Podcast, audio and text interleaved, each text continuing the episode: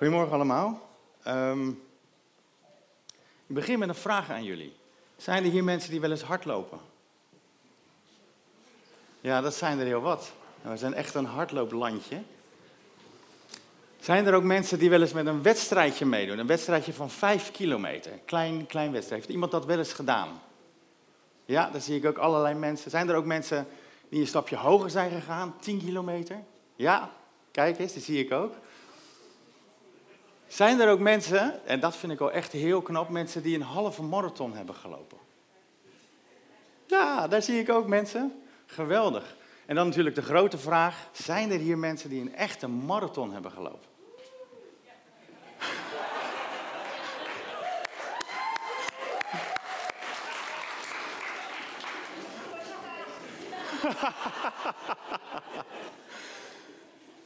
Dat is echt iets waar je respect voor kunt hebben. Ik vind dat zo gigantisch. Ik heb altijd het verlangen gehad om dat nog te doen. Ik kijk dan ook een beetje jaloers naar Joost. Het is nooit te laat. Er zijn ook mensen die uh, hebben ooit misschien een Elfstedentocht gedaan. En er zijn ook mensen die doen een alternatieve Elfstedentocht op de Wijze Zee. Zijn die er dan misschien? ja, dat vind ik ook heel knap. En weet je wat ik, soms denk ik van dat zou ik nog eens willen doen. Hè? Ik heb wel eens een paar wedstrijdjes gedaan, maar vijf of tien kilometer. En uh, niet dat hele, dat hele uitdagende. Maar ik denk, als ik er ooit nog toe kom om een uh, marathon te lopen, dan, ga ik, neem ik het vliegtuig naar New York. Want daar schijnen ze je zo gigantisch aan te moedigen. Daar schreeuwen ze je de finishlijn over, zeggen ze. Dat helpt natuurlijk uh, gigantisch. Daar zie ik wel naar uit. Ik denk dat dat helpt, want het is volgens mij echt eigenlijk een beetje boven menselijk. Hè? Volgens mij kun je maar tot 30 kilometer eigenlijk als mens en moet je daarna echt jezelf er doorheen slepen. Vandaag gaat het over, hadden jullie al een beetje gedacht, hè, de wedloop. En uh, dat heb ik op mijn hart gekregen. En uh, laten we gelijk maar in de Bijbelteksten duiken. Het zijn er twee, het is heel kort, twee versen. Het stukje van de wedloop, uh, we hebben er vast wel eens een keer bij stilgestaan. Dat staat in Hebreeën 12, vers 1 en 2. Die zal ik dan ook even lezen.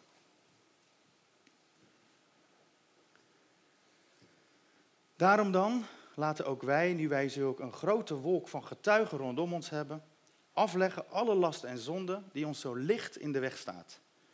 En met volharding de wedloop lopen die voor ons ligt. Laat ons oog daarbij alleen gericht zijn op Jezus, de leidsman en voleinder des geloofs, die om de vreugde welke voor hem lag het kruis op zich genomen heeft, de schande niet achtende en gezeten is ter rechterzijde van de troon Gods. Twee versen maar vandaag. Ik, uh, misschien is het goed om het even op je in te laten werken. Ik lees hem nog een keertje. Daarom dan laten ook wij, nu wij zulk een grote wolk van getuigen rondom ons hebben, afleggen alle lasten en zonden die ons zo licht in de weg staat. En met volharding de wedloop lopen die voor ons ligt. Laat ons oog daarbij alleen gericht zijn op Jezus, de leidsman en voleinder des geloofs, die om de vreugde welke voor hem lag, het kruis op zich genomen heeft de schande niet achtende en gezeten is ter rechterzijde van de troon van Gods. Dit staat in de Hebreeënbrief en uh, dat komt een paar keer terug in het verhaal. En er is altijd een beetje bij, bij theologen de discussie van wie heeft die brief nou geschreven. Heel veel mensen zeggen dat is Paulus, want het lijkt er zo heel erg op, op de manier zoals Paulus schrijft. Maar anderen zeggen nee, het is ook duidelijk, het is van Apollos of Barnabas. Dus vandaar dat ik uh, steeds zeg de schrijver van de Hebreeënbrief. We weten het gewoon niet zeker. Maar goed, het gaat dus in dit stukje over de wedloop. Het is eigenlijk een heel interessant gedeelte. Um, in de eerste plaats van wat is dat precies, de wedloop?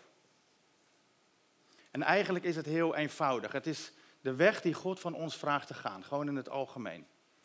We kijken naar het leven van Jezus in het Nieuwe Testament. En hij is ons voorbeeld. En wij mogen die reis afleggen van het afleggen van, van wie we waren als oude mens. En we mogen gaan leven zoals Hij dat voor ons voorgeleefd heeft.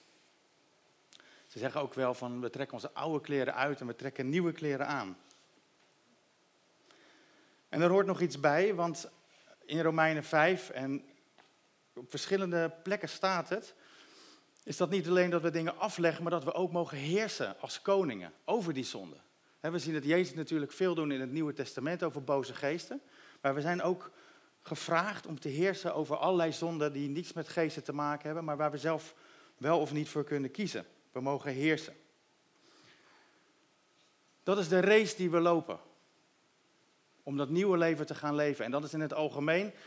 En voor ons persoonlijk heeft God ook nog een weg. Een persoonlijke weg. Die hij op jouw hart legt. Wat hij voor jou heeft voorbereid. Zoals het in Efeze 2 staat. De werken die hij heeft voorbereid. Waar wij in mogen wandelen. En zo hebben wij van God ook een weg gekregen. Waarbij we helemaal tot onze bestemming kunnen komen. Maar ik vind ook uh, best een beetje een, uh, een priemende tekst. Want als ik naar mijn eigen leven kijk, dan denk ik wel eens: ren ik als een atleet? Ren ik uh, een wedloop? Of is het meer een wandeling? Maar de Bijbel komt er best wel vaak op terug. in 1 Korinthe 9 zegt bijvoorbeeld Paulus: Ren als een atleet die wint. En ieder die aan de wedstrijd deelneemt, die beheerst zich in alles. Atleten doen het voor een vergankelijke erekrans en wij echter voor een onvergankelijke. En dan gaat de schrijver van de Hebreeënbrief, die zegt er in hoofdstuk 4 ook nog wat over. Ook best wel een beetje, een beetje stevig. Die zegt, laten we dus alles op alles zetten om die rust binnen te gaan. En hij verbindt daar nog iets aan wat ook een beetje uh, serieus is. Hij zegt, laten we dus alles op alles zetten om die rust binnen te gaan, opdat niemand dit voorbeeld van ongehoorzaamheid volgt en ten gronde gaat.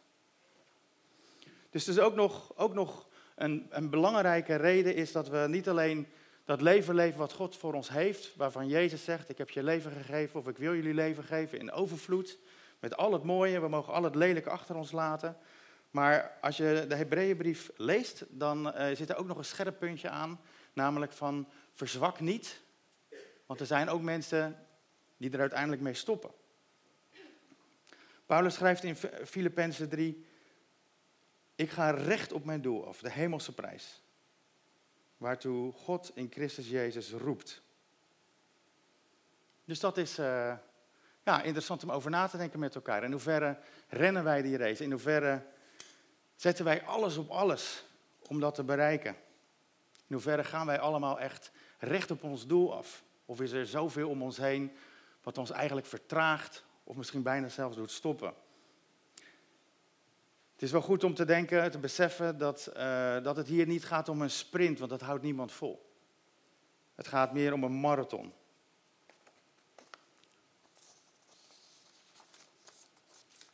Ik wil in deze tekst vier dingen uithalen, eigenlijk vier tips.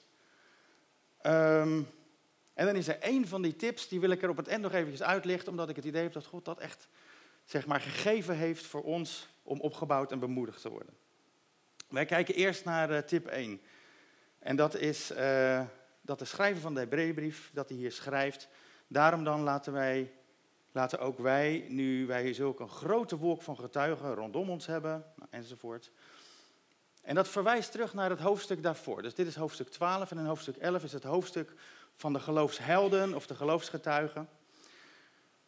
En dat begint met een definitie van het geloof. En het geloof is een vaste grond. Als je op Gods woorden vertrouwt, dan is dat een vaste grond. Terwijl die plekken, die momenten dat je op jezelf vertrouwt, wat tegen Gods woord ingaat, is geen vaste grond. En deze geloofsgetuigen, er worden er een heel aantal genoemd, die hebben getuigd eigenlijk met hun leven dat als je op Gods woorden vertrouwt, als je op Gods woord gaat staan, dat dat daadwerkelijk vaste grond is. Maar het is niet altijd gemakkelijk. Het is vaak uh, zelfs een beetje absurd als God iets van je vraagt. Hè? Denk aan bijvoorbeeld uh, Noach. Die moest een keuze maken van, hoor ik dat nou goed? Hè? Wil God nou echt dat ik zo'n schip ga bouwen waar geen water is? Ik denk dat Noach uh, een behoorlijk imagoverlies heeft geleden. Misschien heeft hij wel heel wat vrienden verloren. Dus dat zit er bij ons in die race wel bij. Kijk, uiteindelijk was het voor hem natuurlijk zijn redding. Hij had uiteindelijk maar één keuze en dat is echt vertrouwen op Gods woord. En beseffen dat alleen dat vaste grond is. Dat heeft hem gered. Maar ja, het was wel een, een moeilijke keuze. En hetzelfde geldt voor, voor Abraham, voor Jozef, voor Gideon, voor David. Heel vaak was het niet gemakkelijk. En dat is zo met ons ook. En daarom is het denk ik ook echt een wedloop die we met elkaar moeten rennen. Abraham bijvoorbeeld, die, volgens mij woonde die comfortabel in Ur der Galdeeën. Volgens mij, als je het goed leest, dan zie je van een welgesteld man, als hij gaat reizen, is het eigenlijk, dan zijn het niet twee, drie mensen, is het een karavaan. Volgens mij heeft hij ook behoorlijk imagoverlies door te gaan naar een land wat God hem dan zou wijzen. Ehm, ik denk dat, uh, dat er genoeg vrienden waren die zeiden van, joh, heb je het wel goed gehoord? Je woont toch prima hier? Maar als je ziet bij deze geloofsgetuigen in hoofdstuk 11, zeg maar wat, wat er van gekomen is, wat het resultaat is van ervoor te kiezen dat Gods woord vaste grond is. Dan zijn dat getuigen voor ons. En dat zou ons moeten helpen, ons, ons, ons verdiepen in uh, hun verhalen als we het Oude Testament lezen. Dat zou ons moeten sterken om ook te gaan staan op de woorden die God voor ons heeft, die woorden die God gesproken heeft. En misschien is het ook wel goed, hè, dat dacht ik ook nog eventjes, als je dan naar die geloofsgetuigen kijkt, dan denk je zo, dat zijn echte kanjes, daar kunnen we ons helemaal niet mee meten, joh, weet je. Dat, is natuurlijk zo. Aan de andere kant, uh, God heeft al deze mensen stap voor stap opgeleid en meegenomen. God is een, een gigantisch vriendelijk en, en, en meelevend God. Hij zal je niet zomaar voor een moeilijke taak stellen. Hij zal je daarin leiden, helpen, bemoedigen, ondersteunen. En dan zijn al die keuzes die gemaakt zijn, die best heel spannend zijn natuurlijk, maar die komen niet zomaar uit de lucht vallen. God is een hele goede leider, coach, hoe je het wil noemen.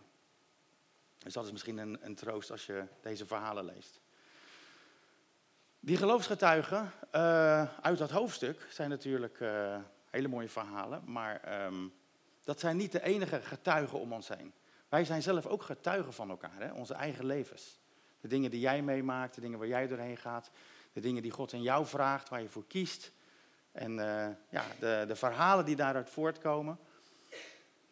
En misschien is het niet zo dat je, dat je hier in de gemeente iemand ziet waarvan je denkt, wauw, dat, weet je, die is echt als de Heer Jezus, die moet ik echt helemaal navolgen.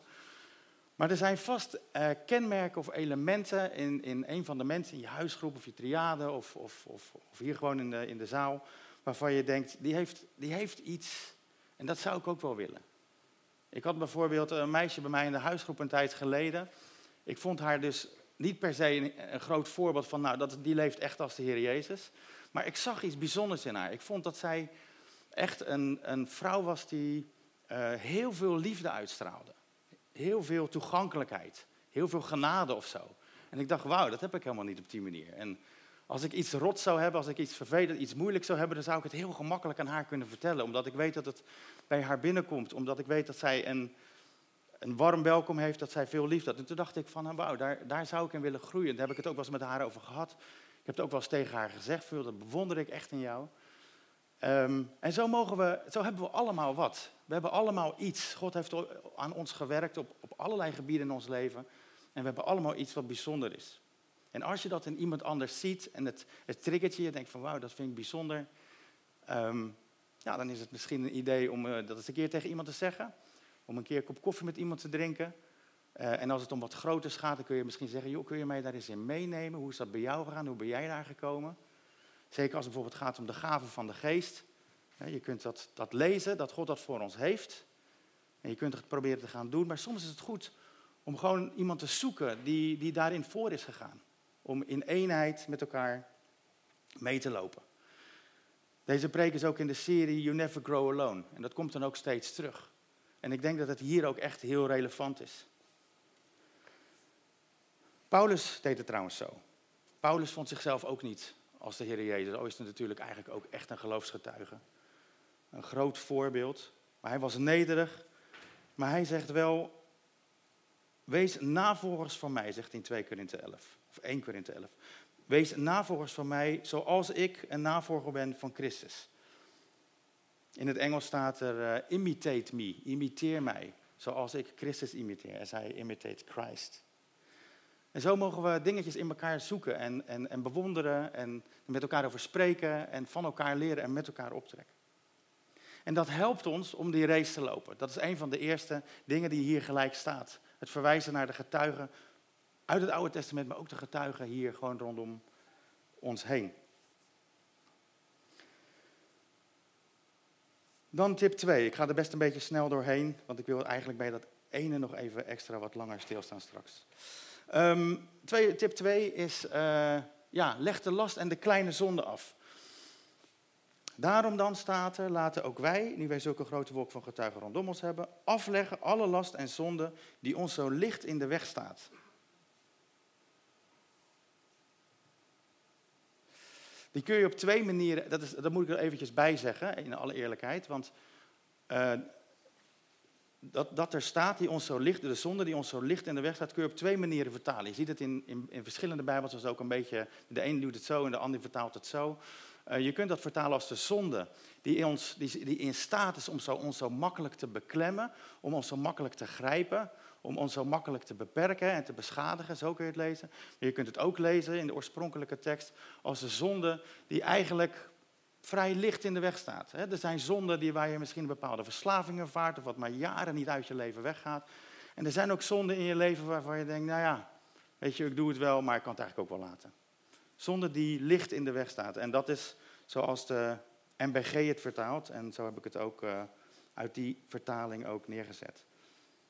Alle last en zonden die ons zo licht in de weg staat.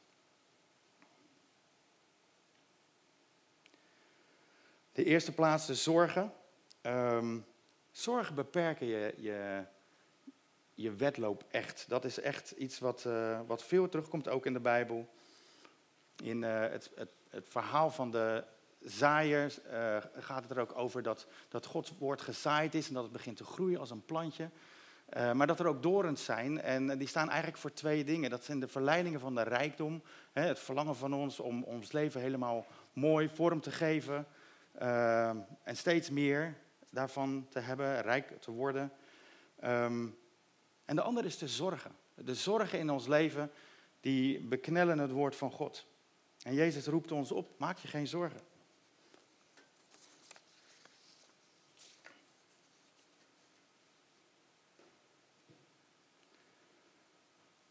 En dan staat erbij zonde die ons zo licht in de weg staat of zonde die ons verstrikt. Zonden die hebben, en ook de kleine zonden, die hebben een, uh, een uitwerking in ons leven. Echt in alle gevallen veel meer dan we denken. We kunnen echt niet overzien wat de uitwerking van zonde uiteindelijk is. God die roept ons dus echt op om dat alle oude dat los te laten en niet zozeer zelf te onderzoeken van hoe, in hoeverre beschadigt het mij of kan het wel of kan het niet. Gods woord is vaste grond, daar mogen we op staan en daarom is het zo belangrijk dat we alles loslaten, alle zonden soms lastig, want in de wereld is het soms zo anders. En zelfs in kerk is het soms zo anders. dan wil je niet een heilig boontje zijn. Dan denk je, ach, wat maakt het allemaal uit? Ik doe gewoon een beetje mee. We leven allemaal in deze wereld. Maar God vraagt van je om heilig te leven. De Bijbel zegt, wees heilig, want ik ben heilig. Zegt God. En dat is ook iets waarin we elkaar mogen aanmoedigen. Waarin we elkaar mogen sterken, zodat dat leven van God steeds meer naar buiten komt. En als het dan gaat om die kleine zonden. Um, misschien als je dit luistert, dan denk je misschien van, oh ja, dat is bij mij misschien dit of dat, of misschien heb je dat helemaal niet. Um, ik moest er ook wel eventjes naar zoeken. Je moet er eigenlijk eventjes bij stilgezet worden. Waar ben ik makkelijk? Terwijl ik eigenlijk weet, het is niet zwart, het is niet echt slecht, maar het is ook zeker geen wit. Het is dan zo'n grijs gebied waar we ons in begeven, maar wat we maar jaren laten bestaan. Um, dan kun je afvragen van, um, waar kijk je naar? Als je naar de bios gaat of als je op je, achter je laptop zit. Hoe spreken we over andere mensen als ze iets doen waarvan je denkt dat was niet leuk? Of waar besteden we onze tijd aan? Of veel van onze tijd? Met welke vrienden ga je om? Op welke plaatsen kom je? Nou, enzovoort. Ik denk dat dit wel echt iets is wat de Heilige Geest jou persoonlijk duidelijk mag maken. En ik denk dat het zo belangrijk is om te beseffen dat als we hiermee bezig zijn, dat het dus echt helemaal niet te maken heeft dat God zegt, ik wil dat je het perfect leeft, ik wil dat je het goed doet. God is een God die echt er ontzettend naar verlangt dat je helemaal tot leven komt. Dat is zijn drive. Dus als hij van je vraagt om allerlei dingen los te laten, dan is het niet omdat het moet, maar omdat hij, omdat hij zo verlangt dat hij jou dat kan geven wat hij je zo graag wil geven. Als we deze wedloop lopen, dan stonden we nog eventjes bij stil eigenlijk toen we aan het bidden waren voor deze dienst. Waar rennen we dan naartoe, kun je je afvragen. En een van ons die zei, uh, eigenlijk rennen we in de armen van onze vader. God is zo'n liefdevol en goed God, dat hij verlangt dat wij steeds dichter bij hem komen. En niet dat wij het goed doen, absoluut niet, maar dat we naar hem toe gaan. De derde tip is, over deze tweede tip kom ik straks nog even terug, maar deze derde tip die in dit stukje staat, uh, staat er daarom dan laten wij ook wij, die zo'n grote wolk van getuigen rondom ons hebben, afleggen alle lasten zonder die ons licht in de weg staat. En dan met volharding de wedloop lopen die voor ons ligt. En ik denk dat, dat dat ook iets zit wat we allemaal wel kennen. Ik denk dat we dit heel veel tegenkomen, ook in de Bijbel, in ons eigen leven. Dat, um, dat het gewoon ook zwaar is. Dat het soms ook vermoeiend is. Dat je soms iets in het vooruitzicht had, iets wat je graag wilde doen, qua werk, waar je God in had betrokken. Of misschien in de, in de kerk, een plekje of wat dan ook. En dat je denkt, het is er nog steeds niet. Of dat je je ergens los van wil komen.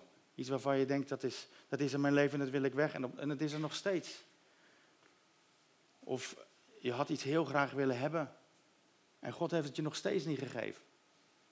God gaat met hele diepe processen door ons leven heen. En het, het kost gewoon soms tijd.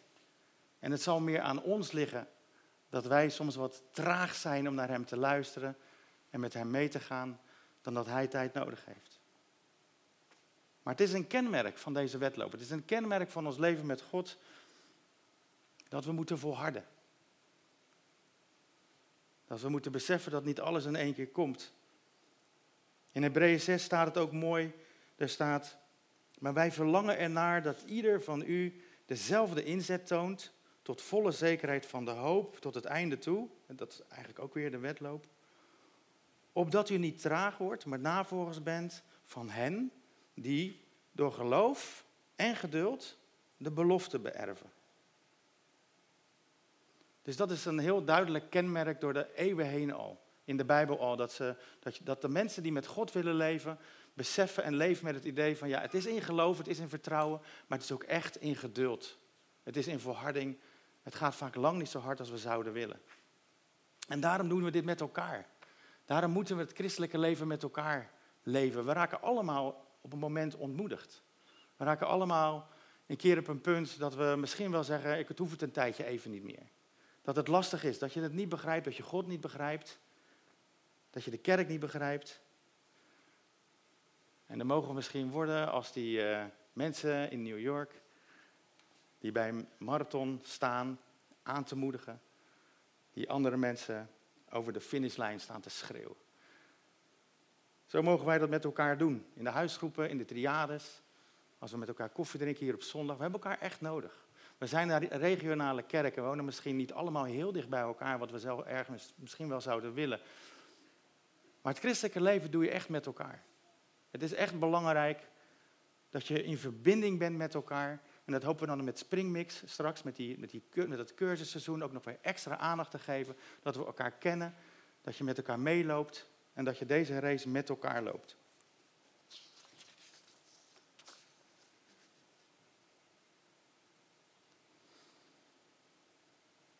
En dan de laatste tip.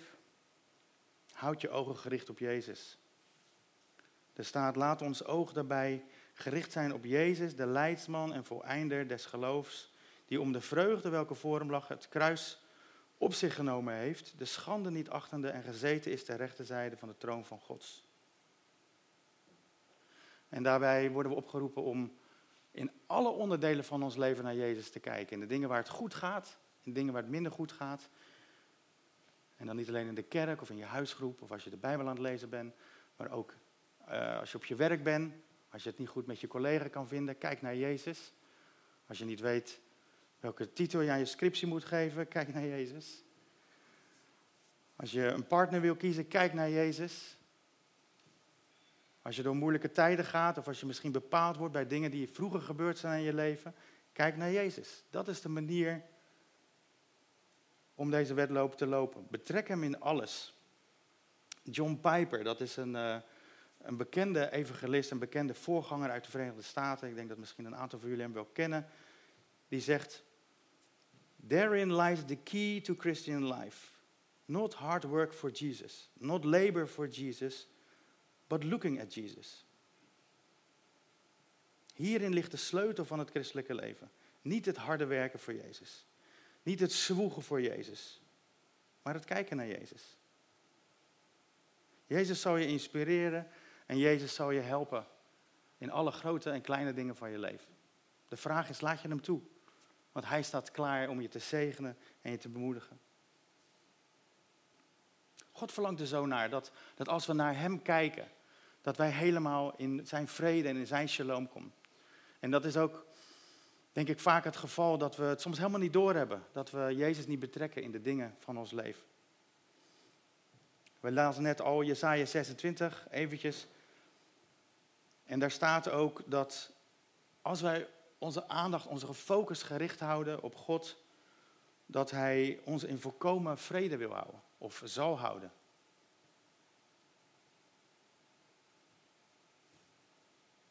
He will keep us in perfect peace, staat er in de Engelse vertaling. Ik vind het zo mooi. In volmaakte vrede, dat is waar God ons wil hebben. Als we maar onze aandacht op Hem blijven houden.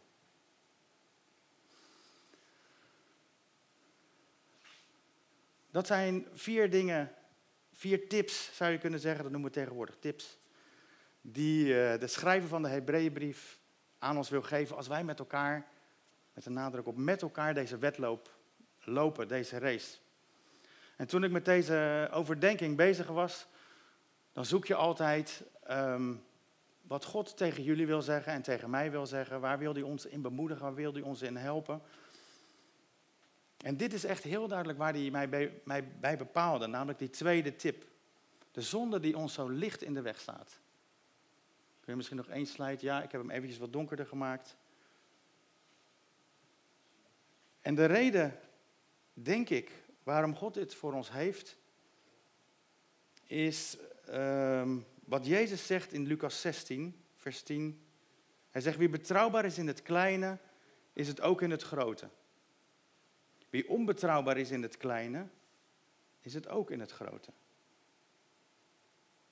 Wat Jezus hier eigenlijk zegt, is als je de kleine dingen in je leven, de zonde in je leven, waarvan je weet, het is niet echt zwart, het is ook niet wit, het is grijs, van ja, wat maakt het eigenlijk uit, hoe belangrijk is het? Voor Jezus zijn al die details en al die kleine dingen belangrijk en hij kijkt daarnaar. Hij kijkt naar jullie levens, ook in de kleine dingen, of misschien juist wel vooral in de kleine dingen. Niet om te zien en de meetlat ernaast te leggen of je het goed doet, maar omdat hij je veel meer verantwoordelijkheid wil geven. Omdat hij je veel meer wil laten doen toekomen. Als je betrouwbaar bent in die kleine dingen, dan ziet hij dat En kan hij je over veel meer aanstellen. Kan hij veel meer gaan geven wat bij jou weghoort. Van, van, van naar licht. Kan hij je veel meer geven wat bij jou weghoort.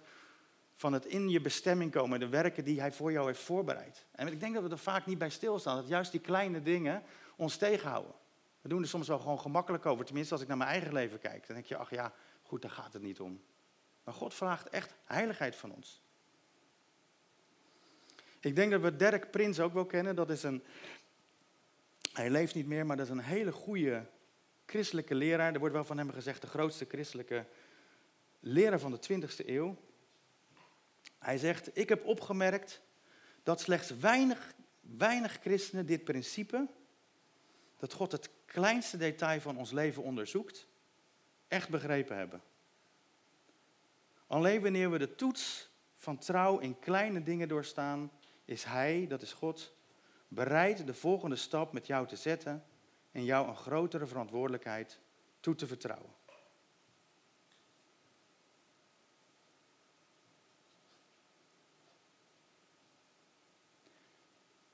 Als je deze horde niet neemt, als je hier niet bij stilstaat, dan kun je afvragen of die andere drie tips die we genoemd hebben wel zin hebben. Toen ik hier uh, mee bezig was, toen uh, gaf, God er ook een plaatje bij. Hij liet me een plaatje zien van, uh, van een berg hele kleine spijkertjes. En daarnaast was een ravijn. En het was alsof hij, alsof zei, ik wil al die kleine, die hele kleine stukjes van trots in het leven, ik wil die zo graag het ravijn in hebben. Ik wil zo graag dat die de prullenbak ingaan. Het lijken maar kleine dingetjes van onbuigzaamheid, maar ze steken. Ze steken ons meer dan we beseffen. En het weerhoudt God om je te geven wat hij je wil geven.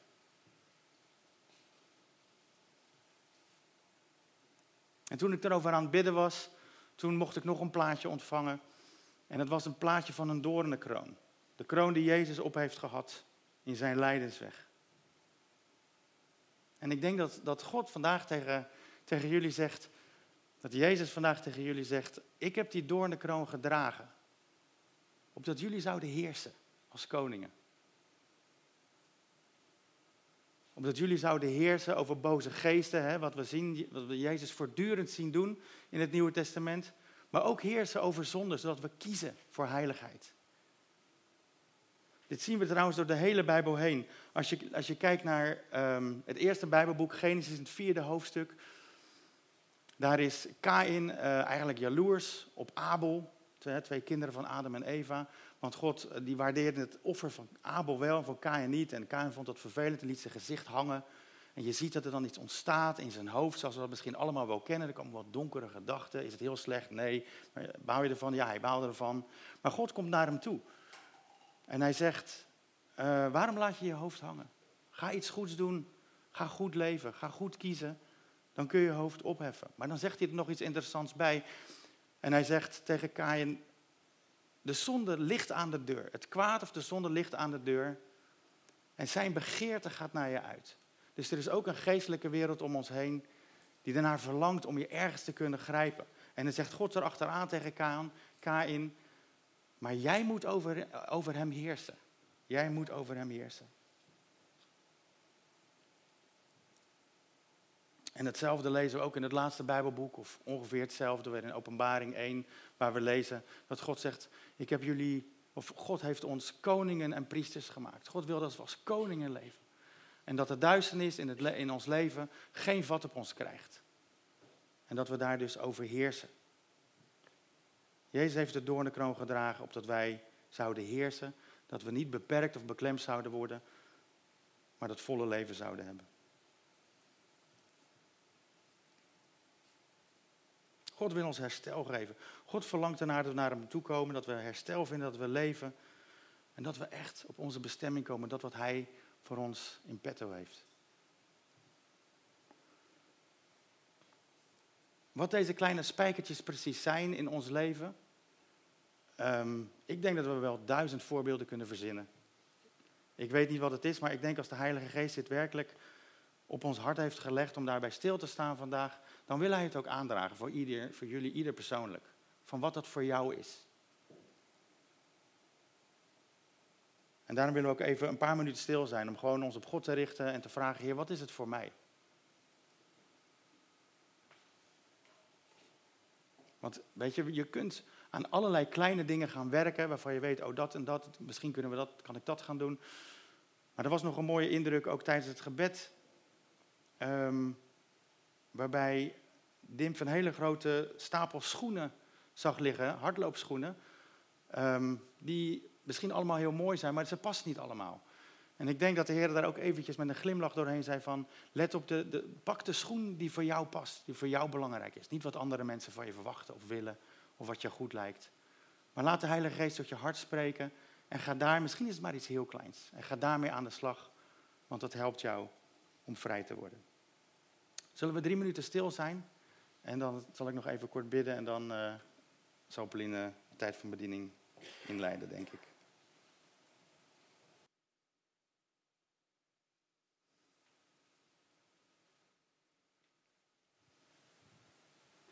En Vader God, ik uh, vind het bijzonder. Vader, we danken u dat u dit vandaag bij ons brengt, omdat het uit uw hart komt van liefde, van verlangen om ons in onze bestemming te brengen, om ons vrij te zetten. Dank u, Vader, dat u zo'n groot en goed God bent. Dat u ons wil leiden en sturen en wilt herstellen. En Heer, als we hier zo maar bezig zijn. Um, dan bidden we, Heer, wilt u hiermee verder gaan als we bij elkaar komen in de huisgroepen of in de triades of op welke manier dan ook, als we thuis alleen zijn en stille tijd hebben. Heer, wilt u uw geest geven en kracht geven om al die dingen waarvan u ziet dat het ons beklemt en beperkt. Dat we uw kracht krijgen om de dingen op te lossen. En meer verantwoordelijkheid van u te kunnen krijgen, meer leven van u te mogen ontvangen. Dank u wel, Vader, voor de mooie weg die u met ons gaat. Amen.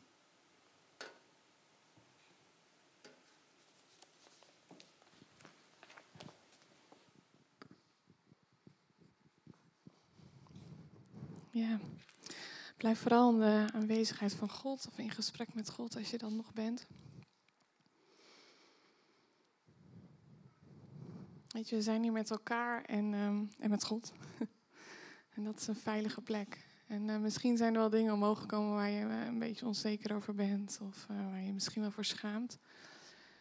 Um, maar schaamte houdt je in zijn greep en dat geeft hem macht. Dus ik wil je echt uitnodigen om het in de openbaarheid te brengen in het licht. Als je ergens van af wil, nou, dat je het misschien